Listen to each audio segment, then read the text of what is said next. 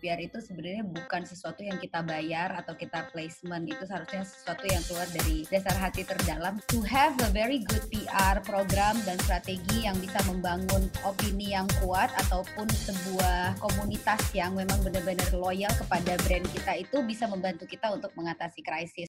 Oke, kali ini keren melaksanakan Techminar bertemakan Build More PR Buzz for Your Company and Event. Bapak, Ibu, dan teman-teman semua, buzz marketing atau buzz merupakan istilah yang digunakan dalam pemasar, pemasaran viral. Buzz adalah interaksi konsumen dan pengguna suatu produk atau layanan yang memperkuat atau mengubah pesan pemasaran asli. Emosi, energi, kegembiraan, atau antisipasi tentang suatu produk atau layanan ini bisa positif atau negatif. Nah, ini pertanyaan yang pertama, ya uh, buzzer dikenal dalam dunia periklanan dan PR. Apakah ada perbedaan signifikan antara kedua jenis buzzer tersebut? Silahkan boleh dimulai dari siapa dulu? Kak Lolo dulu, mau mulai duluan Kak? Oke, okay. uh, tadi boleh dulu nggak sih Mbak? Buzzer okay. di dunia PR dan periklanan. Betul. Uh, bedanya apa? Bedanya apa ya? Sebenarnya kalau ini pendapat profesional saya pribadi sih ya sebenarnya uh, buzzer itu di PR itu apa bukan sebenarnya kayak tadi udah dibilang sama Mas Prabu sama Mbak Cynthia bahwa di PR itu sebenarnya bukan sesuatu yang kita bayar atau kita placement itu seharusnya sesuatu yang keluar dari dasar hati terdalam karena memang suka pada produknya dan jadi kalau di PR bedanya bahwa memang orang-orangnya benar-benar menggunakan produknya orangnya melakukan dan mentestimoni produk dan brand itu karena kecintaan mereka bukan karena mereka harus dibayar. Itu sih bedanya sih. Makanya kan lately buzzer suka ngalamin penurunan makna kata karena sering dipakai untuk sebuah propaganda sama spin the message karena kalau di PR itu ya black campaign PR juga ada sih ya, cuman ya perbedaannya dari situ di advertisement mereka dibayar, mereka nggak pakai, terus kemudian mereka dibayar, mereka ngomong. Kalau di PR mereka harus coba dulu, mereka harus benar-benar menyukainya dulu kayak gitu dan relevan terhadap uh, produk dan brandnya. Gitu sih mbak. Mungkin bisa ditambahin okay. sama Mbak Cynthia sama Mas Prabu. Hmm. Oke. Okay.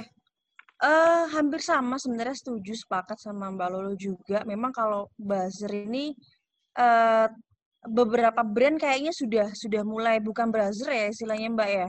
Jadi hmm. mungkin lebih ke ambasador atau mungkin duta atau mungkin yeah, yes kalau buzzer ini seakan-akan mereka siapa pun itu bisa gitu kan.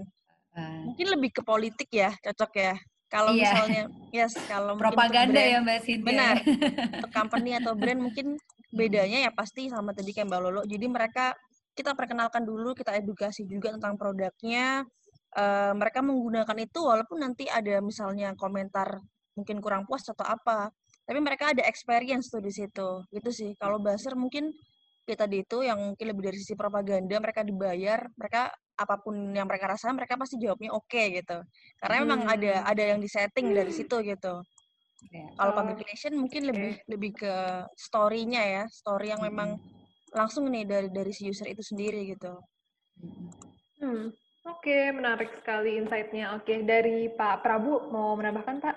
Ah, ini menarik nih memang. Jadi ini mungkin pertanyaan-pertanyaan yang sangat relevan ya. Jadi sekarang apalagi apa dinamika politik kita yang makin berwarna gitu ya.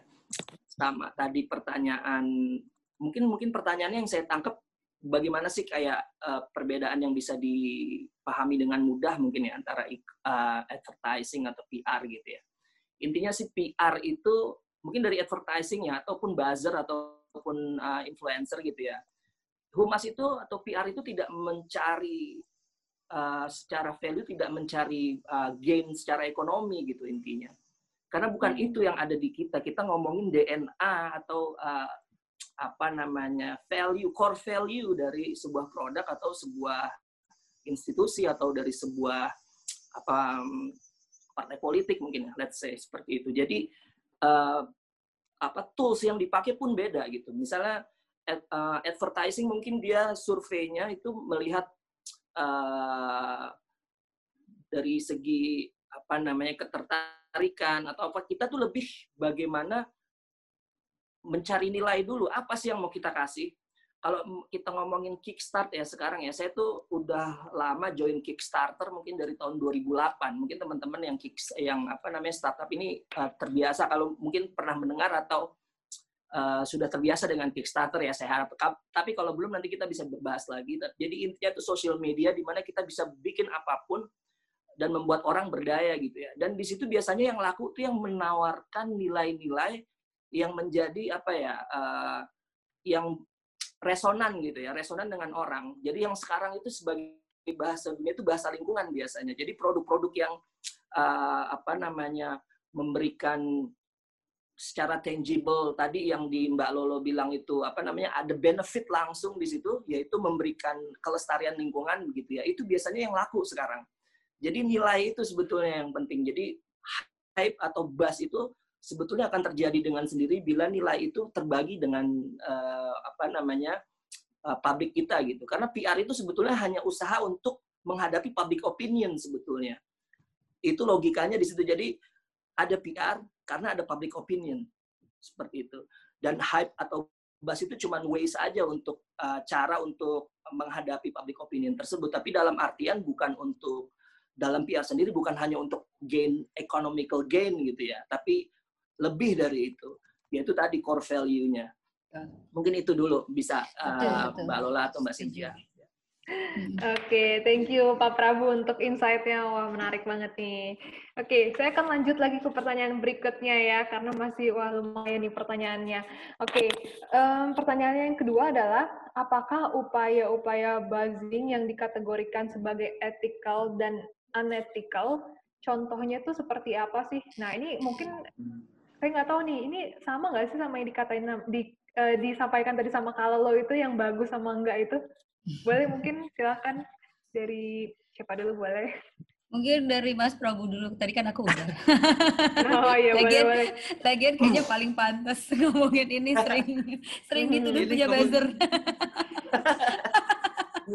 ngomongin etik menarik banget nih karena memang humas hmm. ini berhubungannya dengan etik karena dengan value sebetulnya kita bicara. Jadi ya. sebetulnya untuk menjadi petugas humas itu agak-agak susah sekali gitu ya. Sebetulnya humas ini kalau kita melihat melihat kayak standar yang sangat bagus gitu ya misalnya ya. Uh, let's say di Greenpeace, humasnya Greenpeace gitu atau humasnya apa namanya uh, Freedom of Justice sampai kantor staf presidennya Rusia itu orang-orang yang humasnya tuh IQ-nya tuh tinggi. Ya. Sangat tinggi. Kenapa? Karena di situ dia harus membuka tadi tuh bagaimana value core value itu bisa dipertahankan secara etik dan etika itu yang membuat apa istilahnya uh, public uh, public assessment ataupun public opinion yang kita buat itu bisa dipertahankan karena ada etika di sana. Let's say value-value yang kita pegang teguh misalnya uh, kebersamaan atau perbedaan. Nah, perbedaan ini rada-rada menarik di sekarang ini kan karena banyak uh, apa namanya kok ada mungkin opini publik kenapa suara-suara yang berbeda agak sekarang agak susah gitu. Sampai pernah ada survei kalau mungkin sekarang uh, apa masyarakat agak takut mengemukakan pendapat gitu lebih dari 50 atau 60 persen dari Kompas itu mengeluarkan mungkin nanti bisa dicek uh, apa angka pasnya gitu ya tapi itu semua memang awalnya dari value tadi dan ethics. Yeah. Jadi uh, humas itu memang uh, apa ya sebelum mungkin sebelum kita nge ngebahas bas ataupun ngebahas hype kita belajar apa filosofi humas terlebih dahulu karena dari situ kita bisa memahami value-value apa sih yang dipegang teguh secara kemanusiaan. Nah, contohnya kayak tadi lah di Kickstarter ya. Jadi sekarang tuh bahasa dunianya dunianya tuh lingkungan sebetulnya.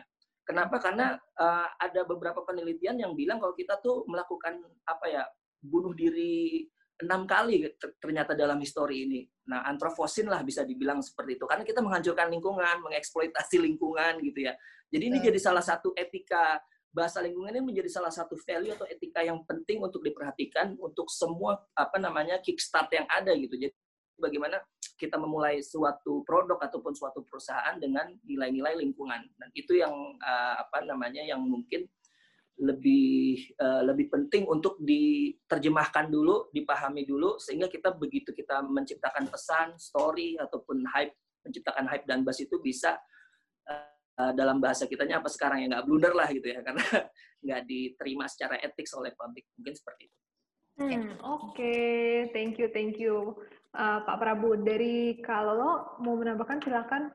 Ya, uh, kalau aku sendiri sih aku setuju banget ya dengan apa yang disampaikan oleh Mas Prabu tadi bahwa memang agak kritikal sih posisinya PR di setiap perusahaan apun ataupun organisasi. Karena memang uh, apa namanya yang disebut dengan message informasi bagian dari informasi yang bisa disampaikan dan yang mungkin belum bisa disampaikan karena belum cocok kepada publik atau target audiensnya itu menjadi sangat krusial. Itulah makanya kenapa orang suka bilang ada negatif buzzer atau positif buzzer gitu ya atau buzzer yang jelek gitu. Itu sebenarnya mungkin karena ada beberapa orang menganggap bahwa buzz ini hanya menyampaikan informasi yang ingin disampaikan, tapi hmm. informasi yang dianggap tidak mau disampaikan padahal sudah ada rumornya itu tidak tersampaikan. Makanya tercreate lah yang tadi kayak kata Mas Prabu juga sebagai opini publik. Opini itu bisa opini publik yang kita create atau opini publik yang memang muncul sendiri ya dari medium itu. Nah,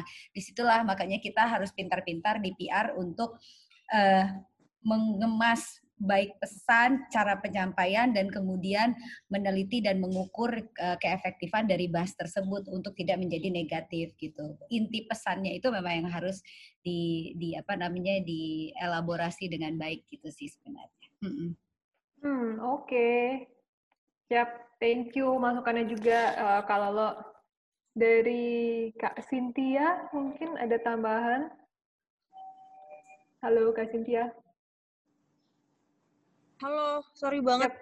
Eh, uh, mungkin tadi udah udah cukup sih sebenarnya Mbak Lolo sama uh, udah disampaikan. Oh, okay. Karena memang ini tadi Zoomku lagi error, aku keluar dua kali. Sorry hmm. banget teman-teman. It's okay, it's okay. Oke, okay, iya. yeah. ini kita lanjutin aja ya kak, kalau yeah, kayak gitu ya. Oke, okay, siap. Oke, okay. nah untuk pertanyaan berikutnya adalah, hmm, oke, okay. Upaya buzzing salah satunya bertujuan untuk mengatasi krisis yang dialami organisasi atau perusahaan gitu. Bagaimana sih mengoptimalkan buzzing dalam mencapai tujuan ini? Hmm take turn. Siap, siapa nih? Kasih dia mungkin mau duluan atau enggak? Oke. Oh, oke. Okay. Oh, iya. Oke, okay. kalau gitu saya tanggapin aja kali ya. Boleh, boleh, Pak. Pak Rabu. Uh, intinya, um, coba diulang lagi tadi Mbak yang buzzing untuk menyelamatkan apa?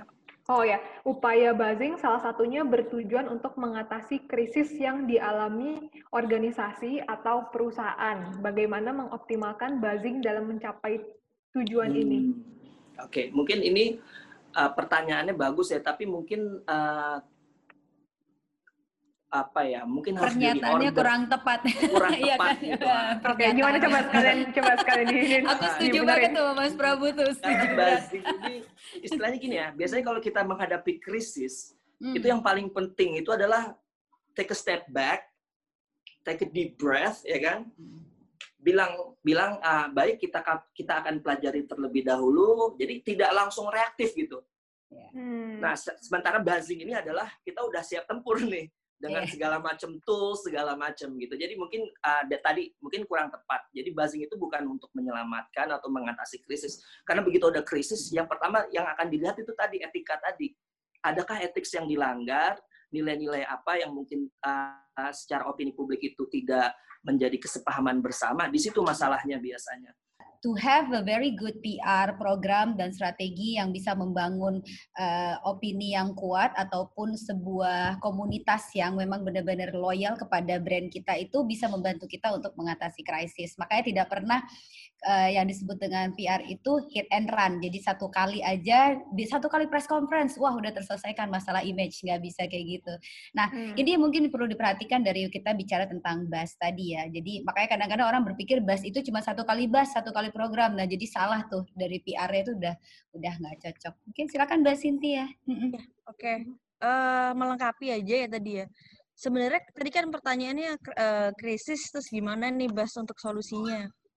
Iya tadi itu yang udah disampaikan juga uh, sebenarnya secara keseluruhan ya memang uh, kita nggak bisa saat krisis aja nih baru ini nih baru take action gitu tapi mm-hmm.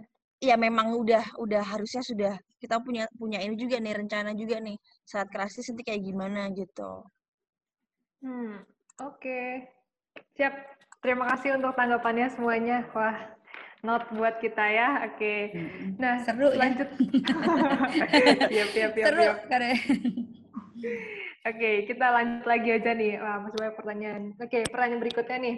Tantangan apa saja sih yang dihadapi dalam mengelola PR dan upaya buzzing dalam jenis perusahaan multinasional dengan banyak unit usaha? Uh, kalau multinasional mungkin bukan saya ya rananya. Kalau startup mungkin iya ya, hmm, startup. Gimana gimana gimana. Nanti mungkin saya tambahin yang startup aja. Ah, Oke. Okay. Atau dari kalau kasih dia mau jawab dari segi startup juga boleh sih sebetulnya. Oke. Okay. Oke. Okay. Hmm. Mau duluan siapa nih berarti? Aku sih ya baru aja. Ya, Tapi ya. aku yang lebih senior deh, Mas Prabu. Gimana Pak Prabu? Buang body judulnya. Iya. Ya, ini juga salah satu trik PR ya. Yo, Tapi bukan trik bus ya, Mas Prabu. Ini bukan trik bus, oke. Okay. Uh, tadi intinya multinasional yang memiliki banyak dengan banyak divisi. unit usaha. Dengan banyak unit usaha. Jadi tantangan nah. apa yang dihadapi dalam pengelola PR dan upaya buzzing dalam jenis perusahaan multinasional dengan banyak unit usaha? Unit usaha ini bisa diartikan dengan banyak produk yang berbeda ya. Mm, bisa. Oke. Intinya sebetulnya NPR tadi ya sebelum story itu ada meaning di sana. Bikin bikin pusingnya gini, kita ngurusin satu meaning aja pusing, Mbak. Ini punya beberapa meaning karena beberapa produk yang berbeda-beda, unit usaha yang berbeda. Mungkin seperti jadi PR-nya tuh nggak bisa satu untuk mengurusi semua karena jujur saja ya mungkin uh, mungkin Mbak Lolo yang managing banyak orang nih sekarang di PR-nya jadi memang kalau banyak produk yang berbeda apa uh, value-nya beda itu nggak nggak nggak ya tantangannya tadi nggak nggak mudah karena satu ya. satu kepala untuk satu value aja kurang apalagi mm-hmm. banyak value intinya seperti itu. Nah dari kak Cynthia gimana kak kalau dari segi startupnya deh? Oke, kalau dari startup itu kan startup itu kan perusahaan rintisan ya, jadi masih bisa berubah juga layanannya karena kan uh, di startup tuh ide aja kadang masih divalidasi terus gitu, nggak cocok ganti lagi nih pivot dan segala macam gitu. Mungkin tantangannya di situ sebagai PR-nya gitu. Jadi misalnya hari ini bisa ini, kalau ada ada krisis nih kayak misalnya pandemi kemarin atau mungkin harus pivot gimana caranya supaya mendeliver ini yang baru nih pesan yang baru gitu atau layanan yang baru itu sih. Karena mungkin belum stabil tadi itu beda dengan multinasional. Oke siap. Thank you. Kita akan lanjut lagi peran berikutnya. Oke peran berikutnya ini seru juga sih ini ini kasus ya. Oke beberapa hari yang lalu sempat viral pernyataan Burger King yang memberikan dukungan pada sesama restoran fast food dan usaha kuliner lain di masa pandemi berupa uh, seruan untuk membeli produk mereka. Bagaimana tanggapan Anda soal hal ini? Apa sebetulnya unsur-unsur yang membuat suatu campaign tak sekedar viral tapi berhasil mencapai tujuan bisnisnya? Yep. Oke, okay. uh, dari aku kali ya karena aku Boleh. pemerhati dan aku paling suka banget campaign Burger King versus McDonald. Sebenarnya Burger King sama McDonald itu sudah melakukan uh, nah ini baru buzz ya, ini baru viral dan buzz yang saling menyerang satu sama lain dengan cara yang sangat kreatif dan sangat ethical seperti aku ceritakan tadi profesional itu udah dari satu dekade terakhir kalau nggak salah. Mereka pernah bikin campaign yang sangat terkenal si Burger King uh, came as a clown eat like a king gitu kan. Terus mereka hmm. juga wah itu aduh itu salah satu menurut aku advertising yang paling advertising campaign yang paling kreatif baik dari dua pihak ya, baik dari Burger King dan baik dari pun McDonald. Nah, kalau yang Burger King kemarin aku langsung tangkap memang yang dari uh, eh, US yaitu ya. Itu buat kita tuh amat sangat PR sekali ya. That's that's so called a business with a heart and business with empathy karena di masa sulit kayak begini ini uh, kita tidak dan tapi sebenarnya bukan cuma di masa sulit seperti ini ya di era digital ini udah tidak ada lagi yang disebut dengan kompetisi yang ada adalah kolaborasi. Saya hmm. dengan agensi dengan PR yang lain itu tidak berkompetisi lagi sekarang. Kita berko berkolaborasi dan bersinergi. Bahkan startup-startup sekarang pun bahkan dengan industri yang sama, walaupun mereka memang menjual uh, produknya yang mirip, tapi mereka juga sekarang juga bentuknya jadi kolaborasi dan bukan kompetisi. Jadi kalau ditanya seperti itu, uh, kalau aku pribadi sih sangat berharap bahwa uh, campaign-campaign seperti itu jauh lebih banyak di Indonesia. Karena uh, kompetisi yang sehat antara Burger King dan McDonald ini antara uh, mereka uh, apa ya punyanya Burger King dan burgernya McDonald itu tidak nyampe sebenarnya Indonesia sesungguhnya kampanyenya sama sekali. Mungkin karena di sini orang mungkin lebih sensitif dan nggak uh, memahami uh, jokes ataupun uh, sarcasm ataupun uh, bah bahkan dark humor ya yang ada di dalam sebuah campaign. Kadang-kadang di Indonesia itu masih kurang, itu harus diakui. Tapi hal seperti ini harusnya lebih banyak karena Burger King not talking about the competition. Burger King bicara tentang kita semua punya empati agar industri seluruhnya bisa berjalan walaupun itu bentuknya sebagai sebuah kompetisi. Itu sebuah uh, sebuah move PR yang sangat luar biasa sih kalau dari sisi aku. Hopefully kita punya banyak yang kayak begitu di sini. Silakan yang lain. Hmm, Oke. Okay. Ya, dari Pak Prabu atau Kak Cynthia mau tambahin silakan. Oke, okay. uh, eh, kalau menurutku sih si Burger King ini emang kemarin tuh dia secara nggak langsung nguatin positioningnya gitu sih. Karena hmm. memang dia nggak cuma nyebutin McDonald's saja sih sebenarnya dari yang gede sampai yang kecil ya. Ada yeah. Flip Burger juga, ada sampai warteg sampai. juga. Iya. Yeah. Secara nggak langsung dia tuh sebenarnya pengen jadi leader gitu sebenarnya intinya kayak gitu. Tuh ya wajar aja sampai istilahnya dapat empati dan apresiasi juga gitu. Tapi mungkin perlu next step juga sih selanjutnya gitu.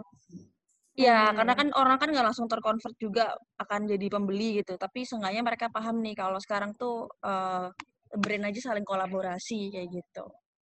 Hmm, oke, okay, oke, okay, oke. Okay.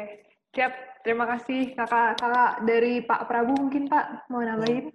Menarik nih, sebetulnya tadi udah udah oke okay lah ya, udah. Tapi saya mau ngasih satu kayak uh, apa sisi yang berbeda nih dari fast food atau makanan-makanan gitu karena sebagai humas tuh saya pernah nonton satu film yang apa istilahnya ya uh, pas banget lah untuk kehumasan gitu. Mungkin uh, teman-teman udah pada nonton judulnya Thank You for Smoking. Terima kasih untuk merok telah merokok lah atau uh, atau terima kasih telah merokok lah gitu ya. Aneh ini film kan nonton awal-awal.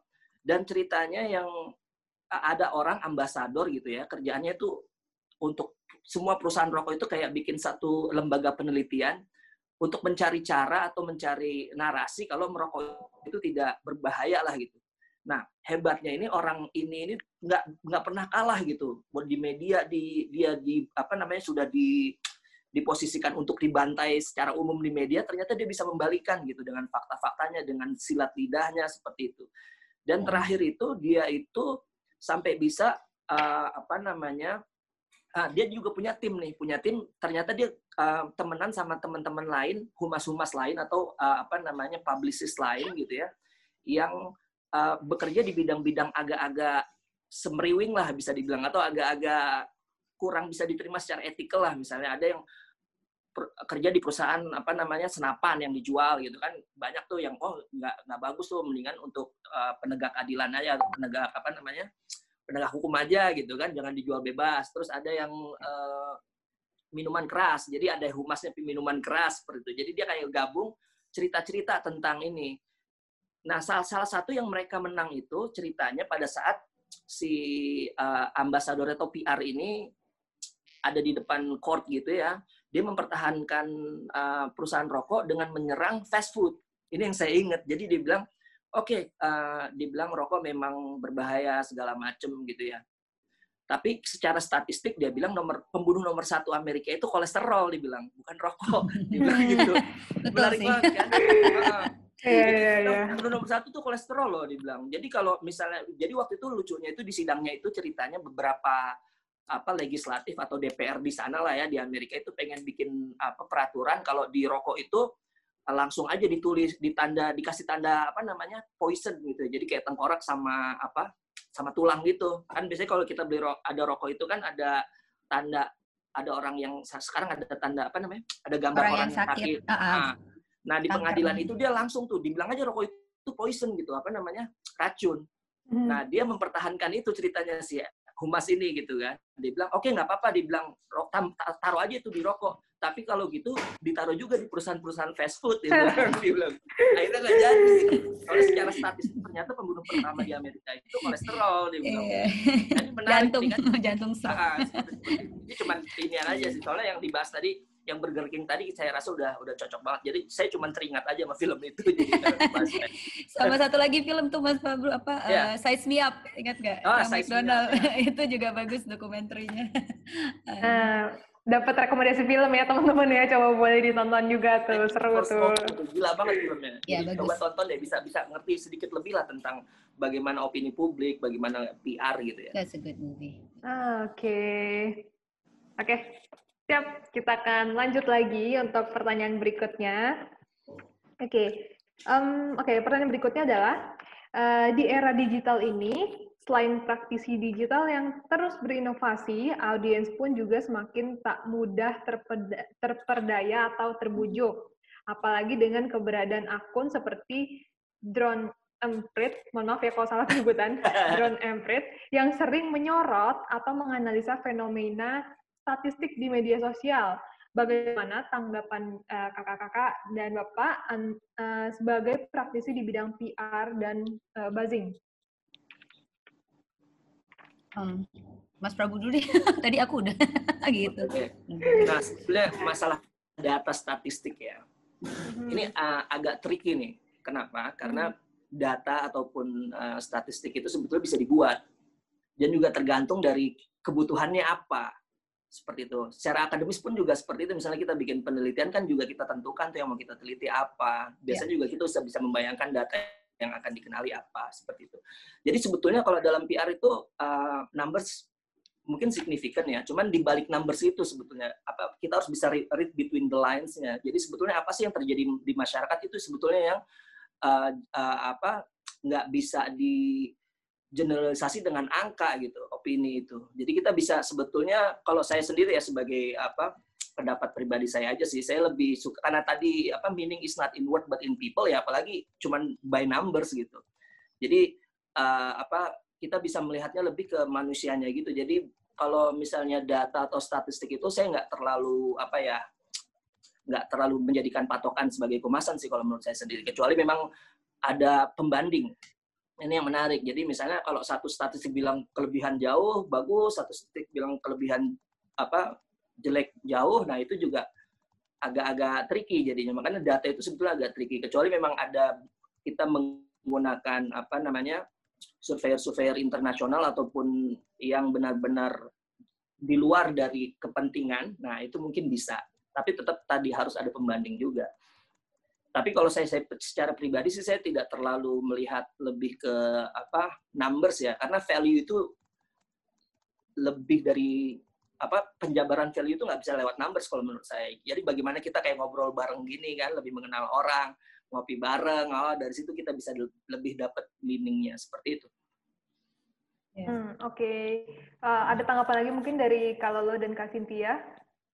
Uh, kalau dari aku sih memang uh, kalau kita di PR, apalagi PR yang berkaitan dengan gaya hidup ya, sebenarnya kalau kita kita butuh uh, data pendukung sih kalau untuk menyampaikan sesuatu kepada teman media. Jadi apalagi kayak misalnya klien aku Permata Bank gitu, uh, kita harus bicara tentang misalnya uh, persentase penurunan uh, penggunaan uh, misalnya ah kenaikan penggunaan mobile banking dan lain-lain itu akan membuat uh, cerita kita dan angle yang mau kita ambil akan lebih menarik kepada teman media kalau misalnya kita hendak menyampaikan inovasi-inovasi terbaru seperti mobile banking, upgrade dari uh, apa bukan cuma ya internet banking dan yang lain-lain. Tapi di satu sisi juga emang akan sangat memudahkan kita untuk uh, targeted langsung kepada target audience kalau udah ada statistik yang memang datangnya dari sebuah engine yang tidak bisa di uh, diakal-akali seperti kayak kata Mas Prabu tadi problemnya sekarang kan banyak juga ya yang bilang bahwa kita keren, kita kece, kita 60% dibutuhkan oleh masyarakat berdasarkan data statistik dari uh, lembaga riset yang tidak terpercaya atau bahkan dari mereka sendiri. Nah, itu aku juga notot dan setuju gitu. Kadang-kadang suka dilebay-lebayin. Tapi kalau di PR research itu adalah segalanya sih. Kalau kita riset bahwa kita menemukan bagaimana kita menciptakan strategi itu harus datang dari riset kayak berapa ratus artikel, berapa puluh persen yang negatif, yang yang positif dan teman-temannya sekalian kayak gitu ya. Dan perlu kita ingat juga yang memenangkan Trump di pemilihan kemarin itu adalah karena data yang diambil dari Facebook yang dia bisa membuat sebuah targeted strategi apa namanya strategi yang very targeted kepada uh, orang kulit putih yang memang ingin Amerika great again itu ya. Jadi dari situ. Tapi aku setuju bahwa satu data itu penting asal sumbernya memang benar-benar dari eh, lembaga-lembaga yang bisa dipercaya, lembaga-lembaga riset yang bisa dipercaya. Terus kedua, data itu memang uh, di, menggunakan statistik dan dibandingkan juga dengan sesuatu memang sangat bisa dipercaya. Intinya kayak tadi memang dapatkan datanya dari tempat yang terpercaya aja dulu gitu. Jadi jangan sembarang ambil data gitu sih kalau hmm. dari aku. Oke, okay, note ini sudah di note. Jangan ngambil data sembarangan ya teman-teman yeah, yang harus uh, tempat yang terpercaya tentunya. Oke okay, oke. Okay. Uh, eh, dari Kasintia apa ada tambahan Kasintia? Ya kalau dari aku sih itu sebenarnya drone itu kalau nggak salah kan yang bikin pemerintah nih. Jadi sebenarnya jadi upaya apa ya kolaborasi juga sih antara pemerintah juga dengan dengan istilah kita masyarakat terutama PR ya. Jadi sebenarnya data-data yang udah ada juga berguna juga nih. Tadi udah disampaikan tergantung kebutuhannya juga tapi ya. Jadi kita emang nggak sepenuhnya kadang percaya dengan datanya itu, tapi sampai kita juga butuh data-data juga nih kayak gitu.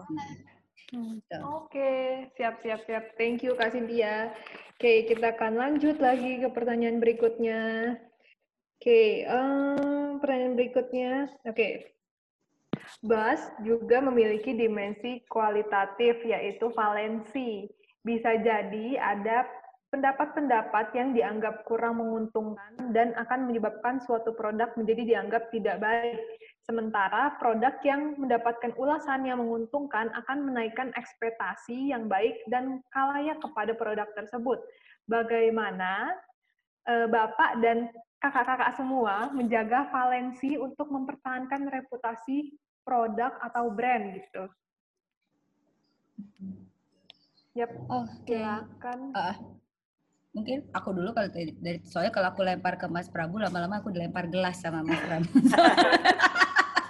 lo maksudnya apa sih lo gitu kan atau Mbak Cynthia mungkin kelas-kelas berhadiah ya Mbak ya iya, gitu. Iya, iya. atau dilempar payung cantik ya Mas payung cantik Mbak Cyn mungkin pernah ngalamin ulasan yang tidak menguntungkan di ya siap oke okay, uh, mungkin gini sih kalau masalah ulasan kan kita memang kadang sudah berusaha semaksimal mungkin juga kadang tetap akan ada sih menurutku Betul. gitu.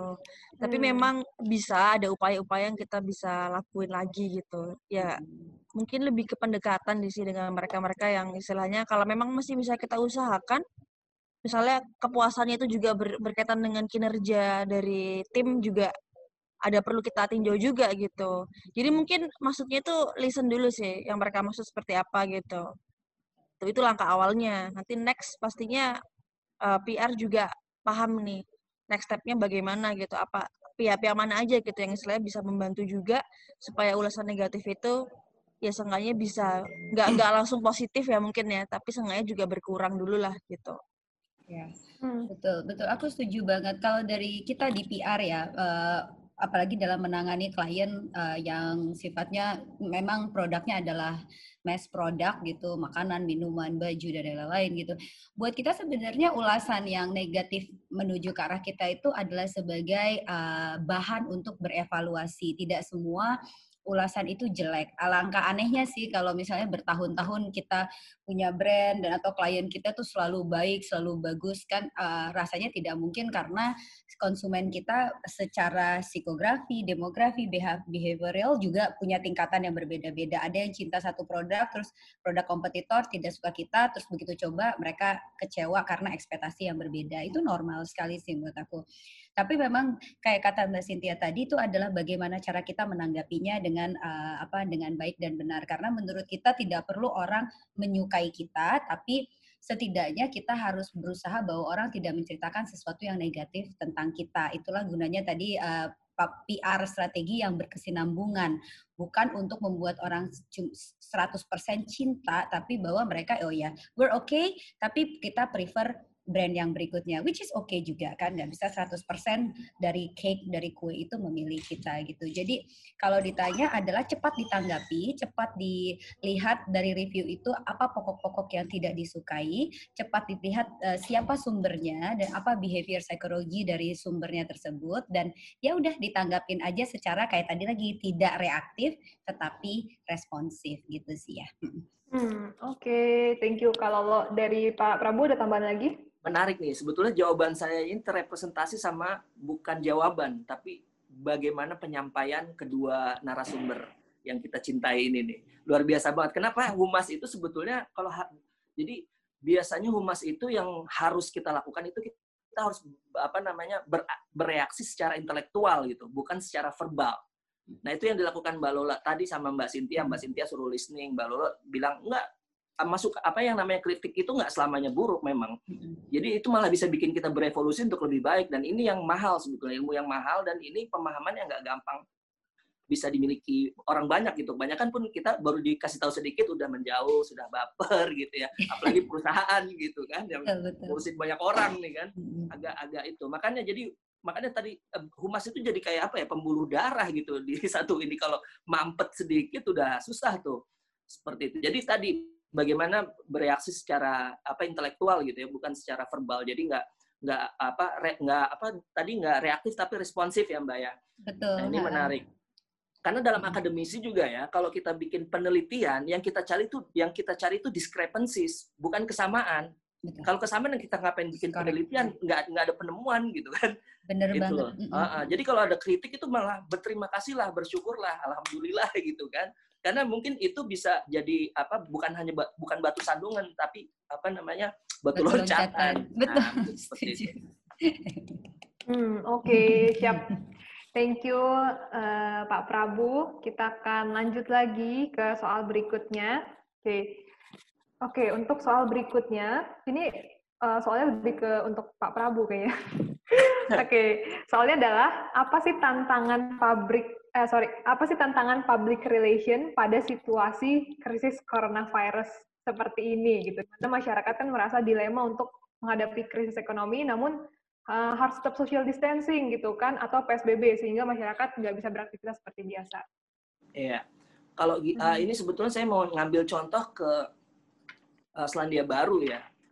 Jadi hmm. memang uh, jadi Selandia Baru itu saya ingat itu dia uh, value-nya itu dia langsung istilahnya balik ke value ya. Jadi maksudnya tadi kan bingung nih orang mau social distancing, mau tinggal di rumah atau gimana nih tetap harus nyari apa pemasukan segala macam. Tapi in the end itu kan balik ke core value-nya masing-masing kan. Lebih mengedepankan mana gitu. Dan ini sebetulnya tantangan humas ini di sini sebagai brand gitu ya kita harus ngasih lihat value-nya di mana gitu. Nah kalau saya karena apa di PR government yang saya lihat itu yang bagus di Selandia Baru sebetulnya. Jadi hmm. dia tuh awal-awal tuh si Jacinda itu udah bilang kalau kita udah harus harus lebih dulu ke pandeminya ini bagaimana kita bisa mencegah gitu. Makanya dia tuh begitu awal-awal Januari Februari itu udah perang lawan pandemi bayangkan. Dari Januari Februari loh. Jadi dua bulan emas itu mereka sudah dulu-dulu nih. Jadi orang yang nyampe bandara masuk itu sudah di langsung ada SOP, dia langsung 14 hari apa namanya uh, karantina mandiri lah ya di dekat-dekat hotel situ sudah disediakan. Langsung ada tes gitu ya. Begitu dia sudah di karantina 14 hari, di tes aman baru boleh masuk ke negara tersebut.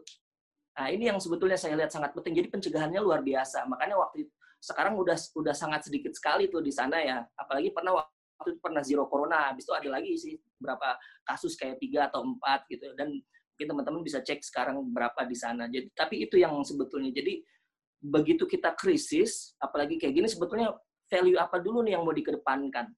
Kalau memang menyelamatkan, seharusnya itu yang dikedepankan dan itu langsung diterjemahkan menjadi apa public policy yang sesuai gitu ya. Mungkin itu kalau dari saya pribadi yang dan saya pelajari dari beberapa keberhasilan negara-negara Selandia Baru itu saya rasa sangat sangat tepat mengambil keputusan pada saat itu dan apa namanya penangannya pun akhirnya apa ya uh, perekonomian jadi juga lebih cepat di apa dipulihkan gitu ya karena orang sudah bisa new normal gitu ya kita juga mungkin kalau new normal juga kita masih mencari definisi new normal apa nih di, di kita gitu ya mungkin saat saat ini seperti itu Hmm, Oke, okay. thank you Pak Prabu. Oke, okay, nah ini mungkin uh, saya sedikit ada bacain juga soal dari peserta ya. Um, Oke, okay. ini uh, ditanyakan oleh Kak Sagita Agung.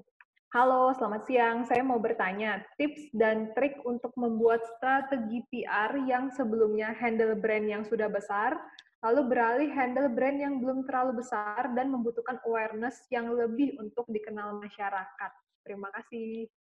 Tips dan triknya berarti. Ya, boleh mungkin dari siapa dulu? Kak Cynthia atau mau, mau mulai duluan? Ya tadi pertanyaannya dia berarti dari brand yang besar, terus sekarang hmm. move ke brand yang kecil gitu. Betul, betul. Oke, mungkin ini pengalaman pindah kerja berarti ya. Jadi biasanya udah besar budgetnya, terus sekarang gimana harus maksimalin yang ini budget yang minim gimana? gitu. Hmm. Oke, ya sebenarnya mengenal dulu sih brandnya seperti apa, yang kecil ini kayak gimana. Mungkin kalau brand kecil kan uh, lebih lebih ini ya, lebih minim ya dari sisi istilahnya uh, banyak banget step-step yang harus dilakuin gitu untuk tahap awal. Kalau yang brand besar mungkin sudah sudah siap secara branding dan segala macam. Kalau misalnya masih yang kecil ya perlu perlu banyak banget strategi baru yang dilakuin gitu. Tapi kan dengan pengalamannya sudah ada di besar tadi seharusnya mungkin bisa terapkan juga nih nanti yang di di brand yang kecil ini gitu. Mungkin perbedaannya ya teman-teman harus harus lebih banyak lagi nih strateginya dan mungkin malah bisa bisa ambil contoh yang besar tadi ya gitu. Hmm, oke okay, oke, okay. thank you Kak Cynthia. Dari yang lain mungkin bisa berikan yeah. tanggapan? Ini Mbak Lolo nih insight-nya nih pasti nih. Jadi sebenarnya kalau kita bicara PR sih mau brand besar mau brand kecil itu adalah uh, tantangannya itu berbeda tapi besarannya sama. Jadi nggak ada karena brandnya multinasional sementara yang satu startup yang baru merintis jadi itu totally different. Yang ini lebih sedikit tantangannya yang ini lebih besar udah pasti nggak ada di situ ya bahwa semuanya itu punya tantangan tersendiri. Makanya hmm, PR di segala industri, cross industries, terus ataupun dari segala background ataupun core business itu sama-sama besar tantangannya. Jadi mulai dari zero semua untuk tailor made bikin strateginya kalau dari aku sih sarannya pasti melihat positioningnya dulu pertama ya. Brand kecil pun tidak apa-apa kalau memang dia udah kuat dan udah local brand ya dan udah lama berdiri dan produknya sudah punya loyal uh, customer atau consumers gitu. Itu pun uh, memiliki uh, strategi PR yang berbeda. Kayak kalaupun disebut multinasional kayak Unilever kemarin baru ngeluarin brand-brand yang mirip mirip dengan yang sustainability itu mereka seperti brand awal juga sih jadi bentuknya jadi sama kayak startup juga gitu. Jadi positioning dari brandnya itu yang paling penting untuk dilihat dulu. Balik lagi kayak tadi target audience-nya message yang ingin disampaikan brand value brand equity semuanya itu harus dilihat. Jadi sebenarnya nggak berbeda. Dan kalau masalah tantangannya budget itu ya tantangan tersendiri. Brand besar juga biarpun budget besar itu tantangan, brand kecil dengan budget kecil ataupun budget besar pun itu tantangan. Jadi perlu dipahami, digali, dibedah lagi positioning brandnya, value-nya, unique selling proposition, unique value proposition untuk kita bisa bikin create strategi PR yang uh, baik dan benar. Apa mau dimulai dari awareness atau mau dimulai dari edukasi atau mau dimulai dari loyalty atau advocacy Nah, itu nanti dilihat dari positioning. Itu sih dari aku. Mas Prabu pasti hmm. pengen nambahin nih.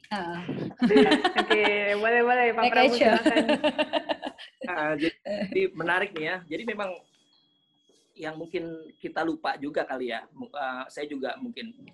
Jadi sebetulnya mau besar mau kecil mau tahapan segala sesuatunya itu pasti permulaan. Mau tahap misalnya habis tahap ini besok uh, terus tahap kedua. Tahap kedua juga permulaan juga harus start juga gitu ya. Makanya tadi setuju banget Mbak Lolo bilang mau kecil mau besar ya sama sebetulnya. Apalagi kenapa? Karena humas itu nggak boleh keluar da, apa uh, diem di tempat nyamannya gitu. PR tuh nggak boleh diem di tempat nyamannya. Begitu kita diem di situ kita nggak berinovasi, kita nggak berubah ya, tinggal nunggu hancur. Kita nggak bisa memberikan masukan apa seperti itu. Jadi mau dia kecil mau dia besar sama aja buat humas. Kita nggak ada posisi tenang gitu. Dalam artian kita nggak di safe zone. Jadi harus terus apa namanya uh, nyari ilmu riset segala macem lah. Makanya tadi humas harus bereaksi secara intelektual gitu ya, bukan secara verbal seperti itu. Dan siapa ya waktu itu ya salah satu guru besar humas saya lupa. Uh, dia itu yang ngasih tahu saya kalau kamu apa uh, diem di tempat aman, you, uh, ya kamu akan mati di sana sebagai humas. Hmm. Dibilang seperti itu. Jadi terus terus apa nggak nggak apa selalu permulaan lah dalam humas itu selalu start karena yang paling susah sebetulnya startnya itu ya melangkah itu intinya seperti itu mungkin itu aja Hmm, oke. udah kasih banyak Siap, tadi siap. Mbak Lolo tuh udah mantep tuh udah Terima kasih banyak. Oke, nah ini masih ada pertanyaan lagi dari eh jo- eh, ya pertanyaan lagi. Hmm, sorry, sebelum saya ke pertanyaan berikutnya, saya mau ngasih info nih kepada Bapak Ibu dan teman-teman eh, peserta yang mau nanya langsung. Nanti kita akan memberikan kesempatan juga. Jadi bagi Bapak Ibu teman-teman yang mau nanya, nanti bisa langsung menggunakan aplikasi raise hand ya. Ada di sebelah kanan bawah. Nanti eh, bisa mulai hand dari sekarang. Nanti akan kita pilih untuk uh, kita uh, bisa langsung nanya, uh, kita pilih untuk kita unmute supaya bisa langsung nanya gitu ya. Oke. Nah, pertanyaan berikutnya ini dari uh, Ma- uh, Kak Andrianus Yoga. Tantangan terbesar apa PR di kala pandemik ini, di mana customer sebagian besar WFH? Nih. Gimana? Cukup dipahami nggak pertanyaannya kira-kira? Cukup. Ya. Oke, kalau gitu dari kalau dulu silakan Kak. Oh, salah jawab. Oke. Nah, itu sebenarnya sama kayak tadi sih. Nggak, uh, it's it's quite unrelated uh, the geographical position of our consumer sih atau customer ya. Maksudnya mau mereka lagi WFH, mau mereka lagi WFO.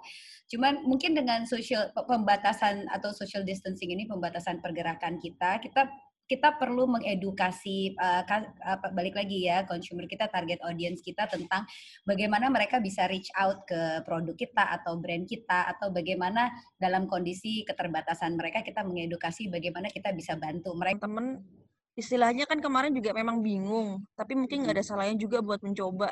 Saya juga kayak ngeliat beberapa brand mereka malah jadi pionir juga sih akhirnya yang lain ngikutin gitu. Mm-mm. Ya kayak gitu sih jadi mungkin teman-teman perlu adaptif juga dan istilahnya berani untuk coba nih Hmm, oke. Siap. Oke, terima kasih. Oke. Ya, Pak Prabu mau menambahkan? Iya, kalau saya mencoba membalik nih, jadi saya posisikan saya jadi customer sekarang nih, karena saya Hmm. WFH ya, misalnya. jadi m- uh, malah saya uh, apa ya uh, banyak belajar gitu sebagai customer, bagaimana melihat pola komunikasi tadi yang berubah dari banyak perusahaan. Kenapa? Karena saya tetap dapat notifikasi tuh di handphone, ya ada ini loh, ada ini, ada seperti ini gitu kan.